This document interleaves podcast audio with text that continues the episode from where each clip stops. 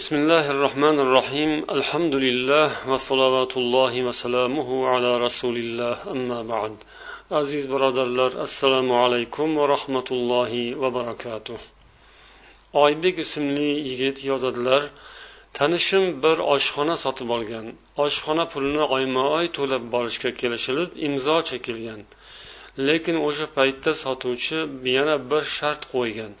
Ya'ni oshxona nomini ishlatgani uchun o'n yilgacha har oy alohida ma'lum miqdorda pul to'lab turishga kelishilgan lekin oshxona egasining bu ishni qilishga qonun tarafidan asosi bo'lmagan va u hech qanday hujjat ko'rsatmagan.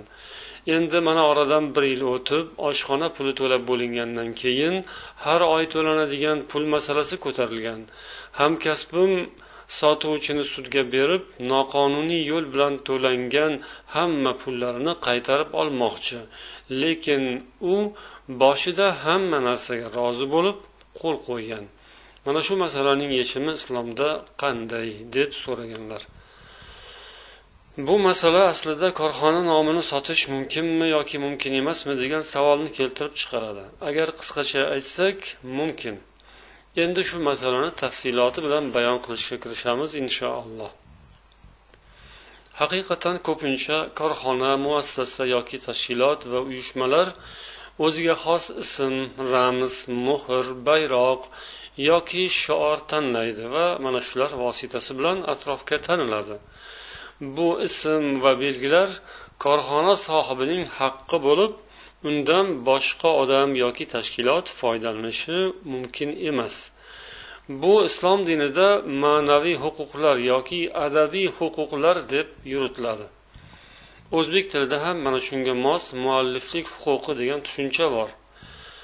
Agar endi biror sabab bilan korxonaning moddiy mulklari sotiladigan bo'lsa masalan korxona yoki zavod butunlay hammasi sotiladigan bo'lsa uning ism va shiorlari belgilari ramzlari alohida baholanishi mumkin.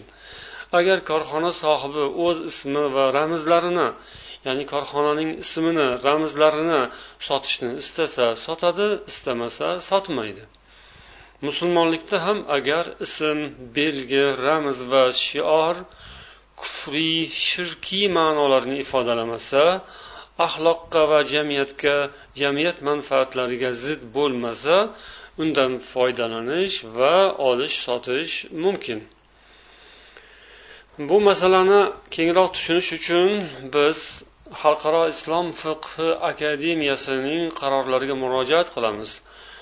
Bu akademiyaning bir ming to'rt yuz beshinchi hijriy sana kuvayt davlatida bo'lib o'tgan beshinchi mo'tamar konferensiya qarorida ayni mana shu ma'naviy huquqlar masalasi ifodalangan.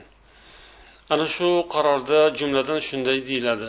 Birinchidan tijoriy ism ya'ni tijoriy belgilar tijoriy ramzlar va yaratilgan asarlar ixtiro va kashfiyotlar o'z egalarining haqqi sanaladi va u bugungi zamonaviy tushunchaga ko'ra moddiy mablag' moddiy qiymat sifatida e'tiborga olinadi va mana shu huquqlar shariatda qonuniy deb qaraladi va bunga tajovuz qilinishi mumkin emas.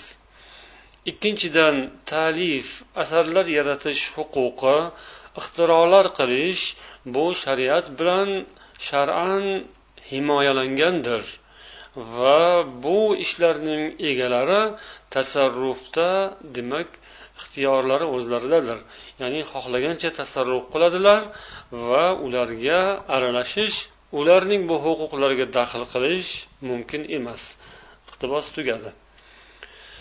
Demak mana shunga ko'ra yaratilgan asarlar va yana ulamolar aytadilar internet orqali tarqatilayotgan ma'lumotlar bular egalarining haqqi hisoblanadi. Ularni olib alohida disklarga solib yoki kitob shakliga keltirib chop qilib tarqatish sotish demak mumkin emas. Bu o'sha ishlarning muallifi huquqi buzilgan bo'ladi. Undan beruxsat uning roziligisiz u bilan kelishuvsiz demak uni sotish tarqatish mumkin emas. Ammo ba'zi o'rinlarda o'sha sahifalarda yozib qo'yilgan bo'ladi notijoriy maqsadda olish foydalanish mumkin deb qo'yilgan bo'ladi.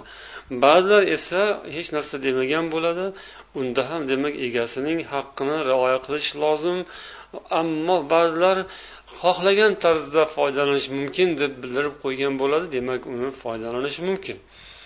Mana shunday qonunlar hamma mamlakatlarda hozirgi kunda mavjud. Biz ham misol uchun o'zbekiston misolida olishimiz mumkin. Masalan mualliflik huquqi va turdosh huquqlar to'g'risidagi qonun mavjud. Ana o'sha qonunda aytiladiki mualliflik huquqi quyidagi biron bir obyektiv shaklda bo'lgan oshkor qilingan asarlarga ham oshkor qilinmagan asarlarga ham tatbiq etiladi deyilgan. Jumladan yozma og'zaki ovozli yoki video yozuvlar bilan tasvir ya'ni rasm eskiz manzara tarix chizma kino tele video yoki fotokadr mana shunga o'xshash va hokazo. Yana hajmli fazoviy model maket inshoot va hokazo boshqa shakllardagi ifodalanadigan narsalar deb belgilangan ta'rif qilingan ya'ni tanishtirilgan. Mana shu kabi qonunlar har bir davlatda o'ziga xos jihatlari bilan mavjud. Agar o'sha qonunlar islomga xilof kelmasa amal qilinaveradi. Islomga xilof nuqtalari bo'lsa islomga moslashtiriladi. Mana shu aytilganlardan kelib chiqqan holda savolda so'ralgan oshxonaning nomini sotish ham joiz va shu haqda shartnomaga shu haqda tuzilgan shartnomaga amal qilish har ikki tomonning zimmasiga vojibdir. Chunki oshxona odamlarga o'sha nom bilan tanilgan va o'ziga yarasha mijozlar to'plagan. Agar ana shu nom o'zgarsa oshxonaning shuhrati tushib ketishi xaridorlaridan ayrilishi mumkin. Shunga ko'ra oshxona nomi ham moddiy qiymat kasb qilgan bo'ladi va u o'z egasining mulki hisoblanadi. Uni sotib olgan odam ham va'dasiga vafo qilib kelishilgan mablag'ni to'lashi kerak. Vallohu alam. Vassalomu alaykum va rahmatullohi va barakatuh.